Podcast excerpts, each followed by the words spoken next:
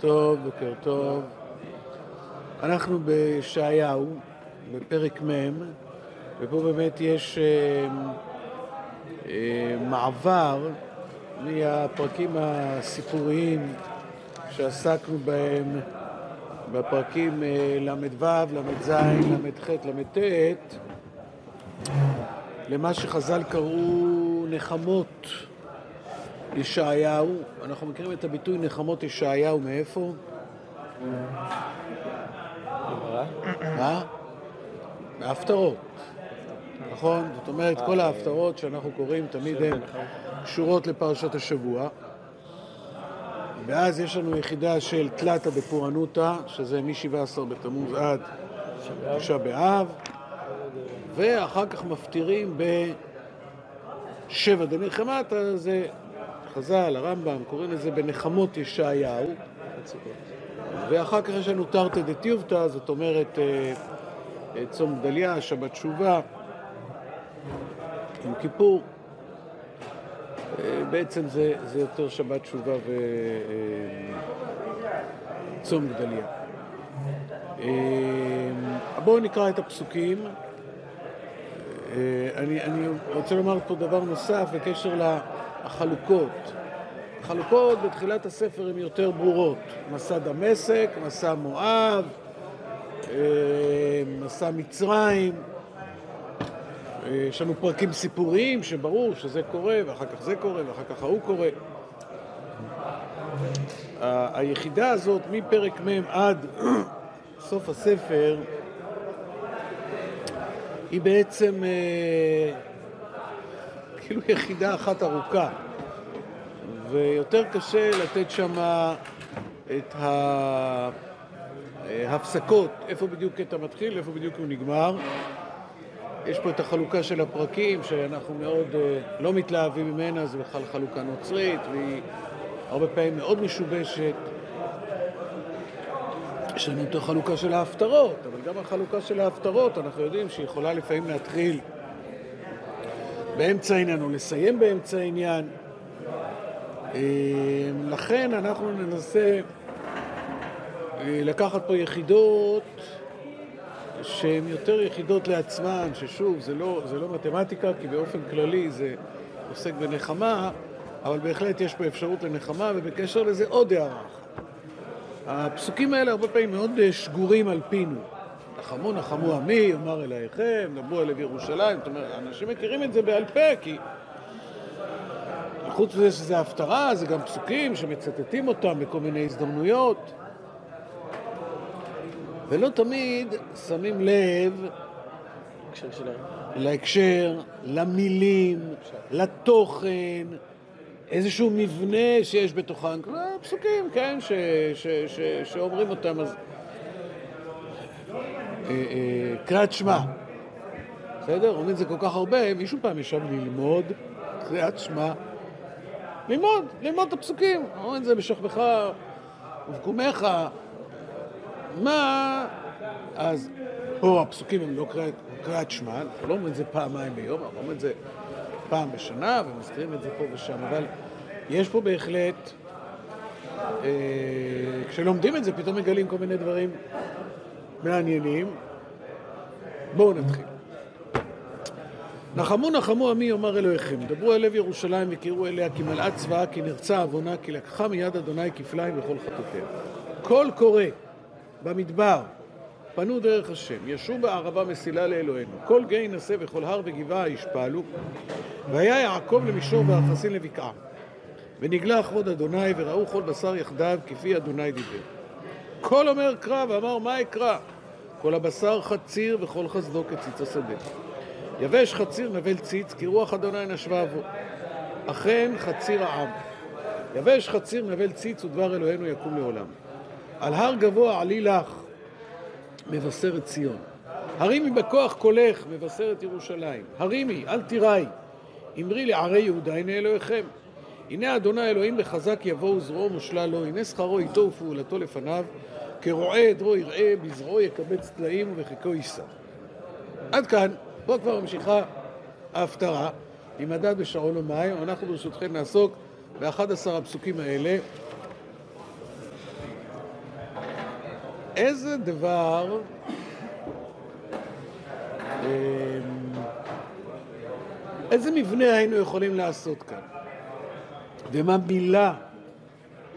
המילה פה שהיא מילה מאוד מאוד חשובה. אני מציע לכם לא להתאמץ יותר מדי, כי זה באמת, גם לי זה היה מאוד מפתיע כשגיליתי את זה בפעם הראשונה. בכל זאת, אתם רוצים לנסות? מה, המילה המרכזית כאילו? מילה שחוזרת פה נגיד ארבע פעמים ולפי קורא, אפשר... מה? קורא, קריאה. שכוייך עצום. המילה קול, המילה קורא. בדעת מקרא הוא מחלק את זה פה לארבעה קולות של נחמה. הקול הראשון, הקול נחמו נחמו עמי, זאת אומרת, מה זה נחמו נחמו עמי? זה מישהו שקורא ואומר, הרב שטיינזלץ גם כותב. שקוייך, נחמו נחמו עמי. קול שאומר נחמו נחמו עמי. מה הקול השני? זה כבר יותר קל. קול קורא במדבר. קול קורא במדבר. בדרך כלל אומרים קול קורא במדבר, נכון? מישהו שומע? קול קורא, לא, לא, קול קורא במדבר פנו דרך השם. כן, אנחנו יושבים פה במדבר, יודעים, צריך לעשות אה, דרכים, זה לא מקום שאנשים עוברים בו בדרך כלל. טוב, מה הקול השלישי? אומר קרא ואמר מה אקרא אומר קרא. זה, זה המשך, כן? רגע. אה, כן, כן, כן, נכון. קול אומר קרא, ואמר מה אקרא? כל הבשר חציר, וכל חסדו כציץ השדה. כן, ומה זה אומר? דבר אלוהינו יקום לעולם, נכון? והרביעי, הרימי בכוח קולך. הרימי בכוח קולך. מי זה? מבשרת ציון, מבשרת ירושלים. אה, האנשים שהיו צריכים לתת שמות ליישובים, אמרו, או, כשאתה מגיע שם לעלייה של הקסטל, אנחנו פה מבשרת ציון, מבשרת ירושלים. הנה אנחנו הולכים, שם זה בשורה מבחינת, הנה, הנה, אנחנו כבר מגיעים. זאת אומרת, אתה עולה את העלייה הגדולה לקסטל, לפני כן לא ראית את ירושלים, ופתאום, אה, וואו, הנה, הנה ירושלים, אבל כמובן שפה מדובר על קולות אחרים, שם זה בהשאלה. אז בואו נתחיל. הדבר הבולט שיש פה בשתי המילים הראשונות זה כפילות. נחמו נחמו. ואם היינו אומרים נחמו פעם אחת, מה היינו חסרים? לשון שירית. זה לשון שירי, לשון שירה. מה עוד? בואו נסתכל לפסוק ב' כי לך מיד השם כפליים. על מה, מה אמרו חז"ל על העניין הזה? לקתה בכפליים ומתנחמת בכפליים.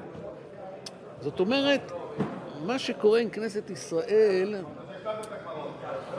אה, זה לא מה שקורה עם אומות העולם. הלוא גם אומות העולם, לפעמים טוב להם ולפעמים רע להם, ולפעמים עד על אדמתם, ולפעמים אה, מפסידים במלחמות, ולפעמים הם גולים ממקומם. נו, אז גם ישראל ככה. לא, לא. עם ישראל, אה, כמו שנאמר לאברהם, והרביתי את זרעך ככוכבי השמיים, והרביתי את זרעך כעפר הארץ. כשעולים, עולים עד לכוכבים. וכשיורדים, אוי ואבוי לנו. מצד ההשגחה כאילו? מצד ההשגחה. זאת אומרת, אה, זה, זה, זה, לא, זה לא משהו, כן, אה, נעמי שמר אמרה, אין לי רגע דל, או סקנדל או פסטיבל. זאת אומרת, בחדשות זה לא, אה, אני יודע, בחדשות באיזה מדינה אפשר להגיד, מה זה, אה, יש פרה שהשיגה שיא בתפוקת החלב, שכוייך עצום. פה, אתה מדבר כל זה- הכל הוא... וואו, אנחנו עם מתח מאוד עצום, יש מקומות, אנשים יושבים על אדמתם כבר מאות שנים, לא קורה יותר מדי. פה קורים דברים עצומים, אז ללקתה בכפליים, ועכשיו מתנחמת בכפליים. עכשיו, גם המילה, זה, זה גם נותן הדגשה. היום כשאתה כותב טקסט ואתה רוצה להדגיש, מה אתה עושה? אתה מדגיש אותו, כן? אתה עושה control B, ואז אתה יוצא bold, או שאתה שם לו קו מתחת, או משהו ש... כשאתה מדבר, אז יש לנו אה, אה, ביטויים כאלה של הדגשה, אה, סולו סולו המסילה, אה, סורו סורו, יש בהמשך, וגם כשקוראים, אברהם, אברהם, זוכרים? בעקדה. אה, שמואל, שמואל. זאת אומרת, הקריאה פה היא, היא, היא, היא מדגישה שזה לא עוד דבר שקורה, זה דבר שהוא מאוד מרכזי, דבר שהוא מאוד דרמטי, כן? דברו על לב ירושלים וקראו אליה, מה זה דברו? דברו, להדביר בדרך כלל, מה זה? פעולה קשה, נכון? כה תאמר לבית יעקב, ותגד, שם זה לא לדבר, זה להגיד, אבל אמירה זה משהו רך, זה לאנשים. ותגד לבני ישראל זה האנשים. למרות שיש איזה גמרא שאומרת אין דיבור אלא לנחת. אה, טוב, אבל... זה אולי במשמעות של... אה, אבל. להדביר בדרך כלל זה, כמו להדביר את הצאן. היום בכלל יש מקצוע של מדביר שזה הרבה יותר גרוע, כן? אז הדיבור בדרך כלל יכול להיות מאוד אה, אגרסיבי, אבל כאן באמת כשהוא מחובר, וינחם אותם וידבר על ליבם. אצל מי זה כתוב? אצל יוסף, נכון? כי ניחמתני וכי דיברת על לב שפחתך אצל רות. אז הדיבור יכול להיות במשמעות של נחמה, שלא סתם, אלא מישהו בא ובאמת, הוא טורח והוא מתיישב והוא משקיע, מה שנקרא. אז, אז כל הנחמה היא באה בצורה אה, הרבה הרבה יותר חזקה, אה, אה, הרבה יותר משפיעה, כן? אז דברו על לב ירושלים וקראו אליה כי מלאה צבאה. מה זה צבאה? מה הקשר לצבא? מה זה צבא? לא אה. סליחה? זה זה לא מלשון צבא פה. זה יכול להתקשר בהחלט לצבא, או נגיד הצבא, יוצאים בצבא, נכון? זה גם ביטוי ש, שנמצא כבר בתורה. כל יוצא צבא בישראל. יש פסוקים בספר איוב, הלא צבא לאנוש עלי ארץ וכימי שכיר ימיו. צבא לאנוש כימי שכיר ימיו, כעבד ישאף צל וכשכיר יקווה פועלו. ואחרי זה אומר כל ימי צבאי היחל. צבא לאנוש עלי ארץ, לפי ההסבר שם באיוב, זה איזושהי תקופת זמן קצובה, ולפעמים גם קצת מחכים שהיא תיגמר, כן? החיילים, כשהם כבר מספיק ותיקים, מותר להם להגיד עד מתי, עד מתי. כשאתה חייל צעיר לך, אם תגיד, אסור. אבל עד מתי, זאת אומרת, זה תחושה מאוד בסיסית, אני חושב, אצל כל חייל, ש... כן, מחר השמש תזרח ואני אזרח, ועוד כל מיני ביטויים כאלה, שפעם הדבר הזה ייגמר. איוב, כשהוא מדבר על עצמו, אז הוא אומר, כל ימי צבאי היחל, זאת אומרת, יש לי את החיים שלי, אבל מה אני באמת הייתי רוצה שכבר ייגמר, לא נעים. הלא צבא לאנוש עלי ארץ. אז עכשיו בואו נחזור לפסוק שלנו. כי מלאה צבאה, מה זאת אומרת מלאה צבאה? היה איזשהו פרק זמן של עונש, של גלות, של איסורים. ועם ישראל אומרים, נו, מתי תיגמר הגלות הזאת, ולשנה הבאה בירושלים הבנויה. אמ, הציפייה לסיום של הגלות, אז הנביא אומר, כי מלאה צבאה.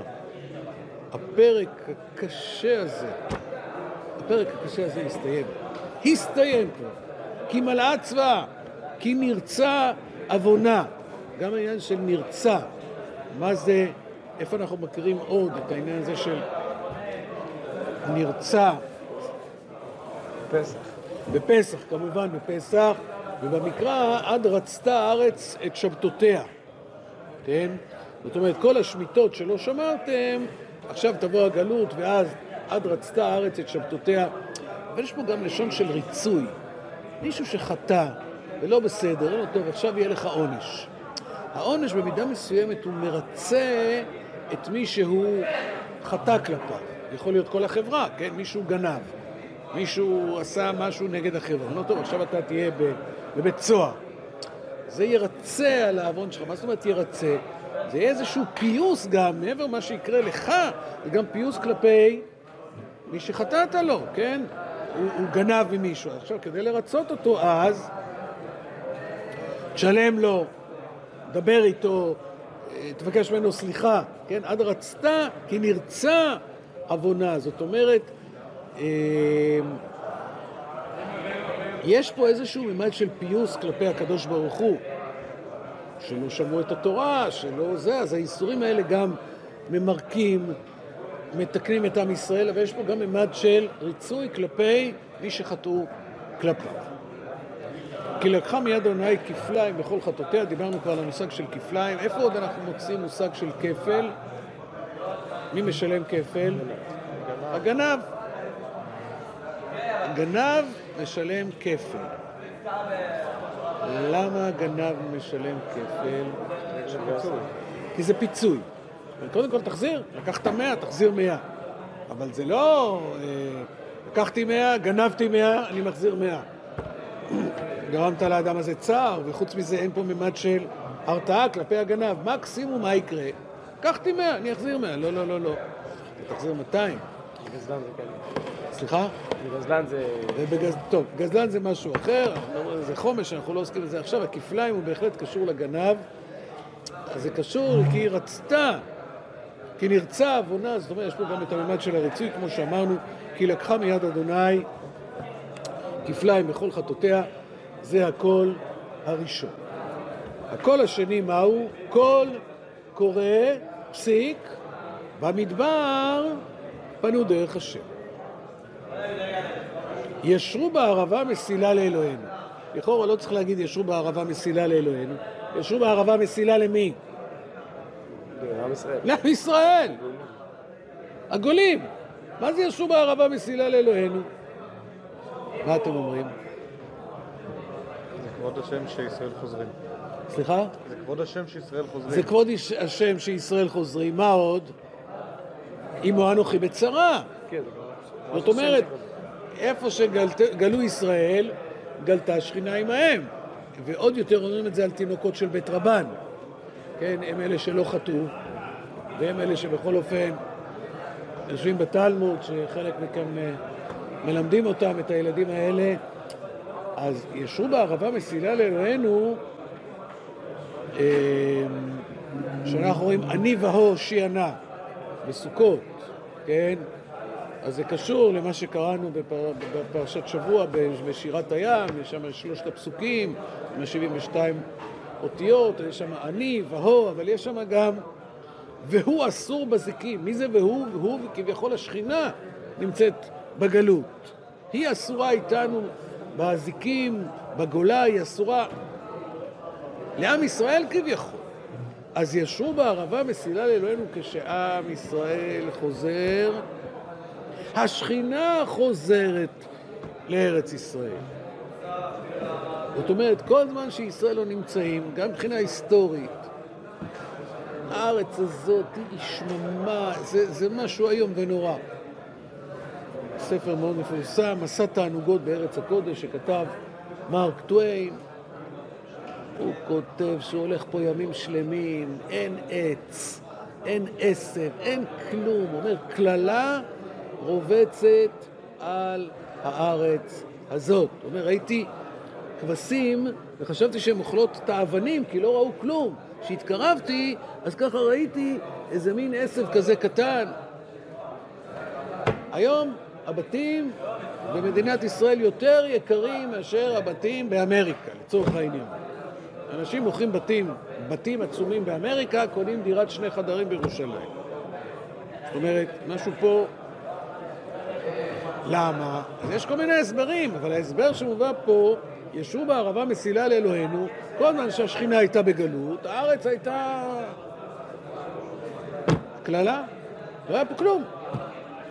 עכשיו שעם ישראל חוזר והשכינה חוזרת ופתאום, וואו, כלכלה וביטחון והרבה צרות, הרבה בעיות.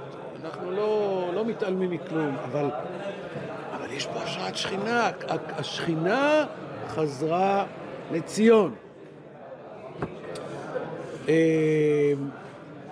כל גיא נשא וכל הר וגבעה ישפלו, זה כבר לא הקול הקורא, זה כבר דברי הנביא. מה זה כל גיא נשא וכל הר וגבעה ישפלו, והיה יעקב למישור. עגנון כתב על זה ספר, סיפור שהוא קרא לו, והיה יעקב למישור. מה זה יעקב?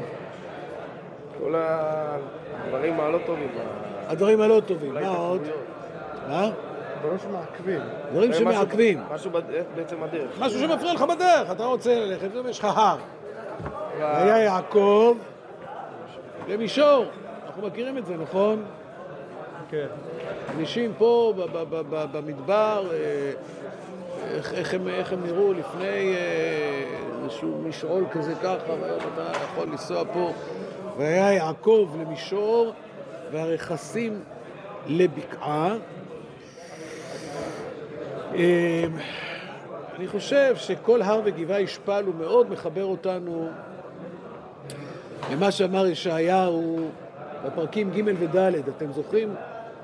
על הערים, יום, יום להשם צבאות, על כל גאה ורם, על הערים הרמים, על הגבעות הנישאות, על כל... אה, כל הגאים למיניהם יורדים. וניקף סבכי היער בברזל, והלבנון באדיר ייפול, ואז מה קורה אחרי שמורידים את כל הגאים? ויצא חוטר מגזע ישי ונצר משורשיו יפרה, האנשים הפשוטים, האנשים הענבים, האנשים הצנועים, פתאום, פתאום יש להם את המקום. אז זה גם כן רמוז כאן. כל גיי יינשא, כן? חז"ל גם דרשו את זה על מי שהוא אה, אה, צנוע, כן? אה, את הדרשה הזאת אה, מנחליאל במות, אה, איך, איך זה מתחיל ה, אה, הפסוק הזה? סליחה? בקיצור, יש שם גם כן את ה... שרבי יוסף הגיש לו, הגיש לו את, ה, את היין שלו, ואז הוא אמר לו, אני לא, לא אניח לך, הוא כעס עליו. בכל אופן, יש שם גם את התיאור שמי שבעצם הוא אה, אה, נמצא במקום יותר נמוך, אז הקדוש ברוך הוא מעלה אותו. ואם זכה עליו דעתו, הקדוש ברוך הוא מוריד אותו, כן? למה? כי כתוב ונחליאל, נחלו אל. במות ומבמות, הגיא. זאת אומרת, אדם יכול להשפיע על המקום שבו הוא יהיה לא רק כמה תורה הוא למד, אלא גם מבחינת המידות שלו. אז אנחנו רואים את זה כאן, כל גיא נשא וכל הר וגבעה השפענו. והיה יעקב למישור, והרכסים לבקעה. זאת אומרת, מעשיך יקרבוך ומעשיך ירחקוך. בהקשר שלנו, כמובן, כדי שה... הגולים יוכלו לחזור, אז צריך לסדר להם מסילה. כל אומר קרא ואמר מה אקרא. פה אנחנו כבר מוצאים שיש פה דו-שיח. כל אומר קרא ואמר מה אקרא. עכשיו זה יכול להיות באמת שני קולות שונים שמדברים, ויכול להיות שני קולות איפה? בתוך המחשבה של האדם בעצמו. יש בו התלבטות. כל אומר קרא, מה אקרא? אני לפעמים רוצה להגיד משהו. אומר, רגע, אני אגיד? לא, אולי אני לא אגיד. מי אני שאני אגיד? אה, כל הבשר חציר וכל חסדו כציץ השדה, זה בוודאי מתקשר לחידלו לכם מן האדם, כן? יבש חציר נבל ציץ, כי רוח השם נשבה בו, אכן חציר העם. יבש חציר נבל ציץ. כן, אדם אנחנו מכירים את זה מתפילת נתן תוקף, שבנויה בהחלט על פי הפסוקים האלה, כן? על, על האדם שהוא... אה, מה, מה זה האדם? כצל עובר, חלום פורח, ודבר, וכל זה עומד בניגוד למה? ודבר אלוהינו יקום לעולם. זאת אומרת, יש איזשהו עוגן בעולם. אם האדם באמת הוא כל כך זמני בעולם, הוא כל כך בן תמותה, הוא כל כך חלש, הוא כמו חציר, הוא כמו ציץ, כחרס הנשבר. אז מה, אז, אז, אז איפה, איפה יש לאחוז? אני אומר בסוגריים שבעולם פוסט-מודרני כמו שאנחנו נמצאים היום, שבכלל אין שום עוגן, אין שום אה, אמת, אין שום אמירה שאתה יכול להגיד, לא, זה מה שאתה חושב, זה מה שאני חושב, זה, הכל הוא יחסי ואין שום... העוגן שיכול להיות לעולם זה ריבונו של עולם. ובאמת שם הבא. והוא נתן את תוקף, אז מול כל אפסות האדם, אחרי שמתארים כמה שאדם, כחרס הנשבר, כציץ נובל, כאבק פורח וכחלום יעוף, מה אנחנו אומרים? ואתה הוא מלך אל חי וקיים. סוגריים בתוך סוגריים, בביצוע של בית השיטה, אז הם שרים, נתוני תוקף, וזה נגמר איפה? איפה, זה, איפה נגמר הש, השיר ש, של יאיר רוזנבלום ששרו את זה בבית השיטה? את מה הוא לא כולל? ואתה הוא מלך אל חי וקיים. וכחלום יהוא. ואתה הוא מלך אל חי וקיים, הלו. הלו, כל זה היה איזשהו אה, מבוא, איזושהי אמירה על אפסות האדם לעומת, כמו שיש פה, יבש חציר נבל ציץ, אבל דבר אלוהינו יקום לעולם, כי אין, אם אין את העוגן הזה אז, אז באמת הכל ייאוש גדול. זאת אומרת, זה שאתה אומר, אם אני אמות עוד 40, 50, 100, לא משנה, בסוף, בסוף אנחנו בני תמותה, בסוף אנחנו נמות, אז, אז זה לא, לא משפיע עליי רק כשאני אגיע לשם. זה עלול להשפיע עליי כבר כאן ועכשיו, כי אם בסוף אני אמות, אז מה יעזור שאני אלמד ואני אה, אתעשר ואני אוליד ילדים, ובסוף מה יקרה? בסוף אני אמות, אתה תמות, כולנו נמות, אז איפה, במה אנחנו אוחזים? אז לכן הנביא אומר, כל הבשר חציר וכל חסדו כציץ השדה, יבש חציר נבל ציץ כי רוח השם נשבה בו, אכן חציר העם, יבש חציר נבל ציץ, ודבר אלוהינו יקום לעולם. וואו. אוקיי, אז אם דבר אלוהינו יקום לעולם, זאת אומרת שיש ממד של נצח. אוקיי, עכשיו, איך אני מתחבר לממד של הנצח? וזה דבר שמאוד מטריד את האנשים. בדרך כלל, איך אדם מתחבר לנצח? מה? אבל, בסדר, אבל איך הוא, איך הוא, איך הוא ממשיך? יצירה כאילו... היצירה הכי חשובה של כל אדם, מה היא? הילדים שלו. אומרת, בסדר, אני אמות, אוקיי, בסדר, אבל יהיה לי ילדים. אבל גם הם ימותו. בסדר, אבל גם להם יהיו ילדים. אז יש פה איזושהי אחיזה בנצח, ודווקא אנשים שאין להם ילדים, הם מאוד מחפשים ממד של הנצחה. כי מה זה בעצם הנצחה? אני רוצה מה? לאחוז בנצח. איך אני אחוז בנצח? יהיה איזה בית מדרש, ויהיה שם איזשהו שלט, יהיה איזה, איזה משהו. איוב אומר, אולי יהיה איזה ספר שיקראו לו ספר איוב, ופעם מישהו יקרא את הספר ואז הוא ידע שאני הייתי קיים. אבל אנשים, בני תמותה, מאוד מחפשים את הממד הזה של הנצח. אבל הנצח הזה קשור למשהו רוחני. הנצח הזה קשור לריבונו של עולם.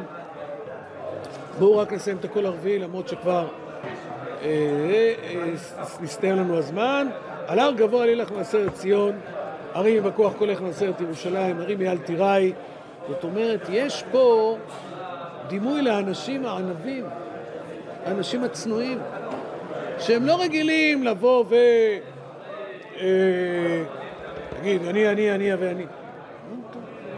כן, צריכים שקודם שהורידו את כל העצים, את כל אלוני הבשן, הנה השם מסעף פעורה במערצה ורמי הקומה גדועים. נו, נו, אתם האנשים הפשוטים, בואו. תשמע, אני לא רגיל להיות במקום הזה. אז הנביא אומר, על הר גבוה עלי לך מבשרת ציון. הרימי בכוח קולך מבשרת ירושלים. הרימי אל תיראי. אמרי לי, ערי יהודה הנה אלוהיכם. אני מזכיר ערי יהודה ולא ערי ישראל. כי הוא מדבר פה לממלכת יהודה. הנה השם אלוהים בחזק יבוא. ממלכת יהודה. ממלכת ישראל, עשרת השבטים. אז נכון שירמיהו הלך להחזיר עשרת השבטים, אבל אין ממלכת ישראל. הנה השם אלוהים בחזק יבוא. השם אלוהים יש פה גם שם אדנות וגם שם הוויה. גם מידת הדין וגם מידת הרחמים. זאת אומרת, מידת הדין זה בכוח, אבל יש פה גם, הייתי אומר, ניתוק של מידת הדין. בחזק יבוא מצד אחד, מצד שני, כרועה עדרו יראה, בזרוע יקבץ סלעים, ובחיקו יישא, עלות ינהל. זאת אומרת, יש פה את הכוח של ריבונו של עולם, אבל יש פה גם את, ה, את המקום של אה, החמלה. זה מה שחז"ל אמרו על אה, דוד המלך, שהיה מוציא קודם את התיישים.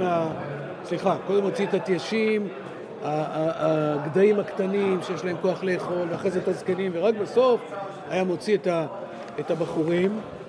אה, אני רק אסיים, אני אקח עוד שתי דקות לעניין הזה. הנבואה הזאת הייתה אמורה להתקיים בגלות בבל, שחזרו מגלות בבל. אבל כיוון שלא עלו בחומה, כיוון שנשארו בבבל, כיוון שמכירים את התופעות גם מהיום, אז הנבואה, החזר, שיבת ציון הייתה, נו, לא, לא עלו כחומה, עליתם כדלתות, ואז לא הסתייע מילתא. אז זה נדחה לימות המשיח. אמ, עכשיו, זאת ההפטרה שקוראים אחרי תשעה באב, כמו שאמרנו בתחילת השיעור, כדי לתת תקווה לעם ישראל שנמצא בגולה. אני רוצה לסיים בסיפור היסטורי שקרה לפני 102, 103 שנה בשבת נחמו. זאת אומרת, כיוון שאנחנו כבר בימות המשיח, אספר סיפור שהיה מאוד דרמטי בזמנו. אה, אני אקרא מתוך מה שלקחתי מאחד האתרים. בשבת נחמו 1920 נשמעו פעמי משיח בירושלים, משק כנפי ההיסטוריה. ירושלים כולה בכתה מהתרגשות, כאשר הנביא, הנציב העליון הראשון ליהודה, סר הרברט סמואל, שהיה יהודי, קרא את הפטרת נחמו בית הכנסת החורבה בעיר העתיקה, נחמו נחמו עמי אמר אלוהיכם, וכאשר ברך בקול רוטט מהתרגשות את ברכת רחם על ציון כי בית חיינו, ברוך אתה השם משמח ציון בבניה, לא נשארה עין אחת יבשה, נדמה היה בשבת נחמו שנת תר"פ, אנחנו עכשיו תשפ"ג, זה ממש 100, כמעט 103 שנה, שהמפעל הציוני המקרטע מקבל ברגע זה זריקת עידוד אדירה, נציגה של המעצמה האדירה בעולם, שהוא גם יהודי ציוני נלהב, הגיע ארצה למימוש החזון ההרצליאני, ניצני גאולה, אחר כך באה האכזבה. כן, הרברט סמואל לא עמד בציפיות, אבל אז התקוות הרקיעו שחקים, רצו כבר אה, לבטל את הצומות. כי הנה, הנה אנחנו כבר בגאולה, לנציב הוקדש מקום על כיסא מרופד ליד הבמה ממול ארון הקודש, תחת חופה רקומה שלל רקמתיים, מחוברת למוטות עטופים, עטופי צבעים תכלת ולבן, כל ירושלים נחה בתפילה. הרב קוק, הרב אליסר, רבני, גם רבני הקנאים הגיעו, לאחר שפרסמו פשקוויל הערצה לנציב הבריטי. זה תודו שזה ממש אה, גאולה. היו ציונים, משכילים, חרדים, מקובלים, באי כוח של היהדות הירושלמית הרשמית והבלתי רשמית, לכל מפלגותיה ועדותיה, באי כוח ועד הצירים, כולם היו, ואז העלו אותה לתורה בשם אליעזר בן פנחס, כן, סר הרברט סמואל, אה, אבל מה השם שלו? אליעזר בן פנחס, הוא יודע את השם שלו. ואז בעיתון הארץ, עיתון הארץ זה עוד לפני שוקן, כשהוא היה עיתון ציוני, שאמר ברשת המילים רחם על ציון בעת חיינו, זלגו דמעות מעיני רבים, מי שעשה ניסים לאבותינו ולנו, יחיש קץ גאולתנו ברחמים גדולים.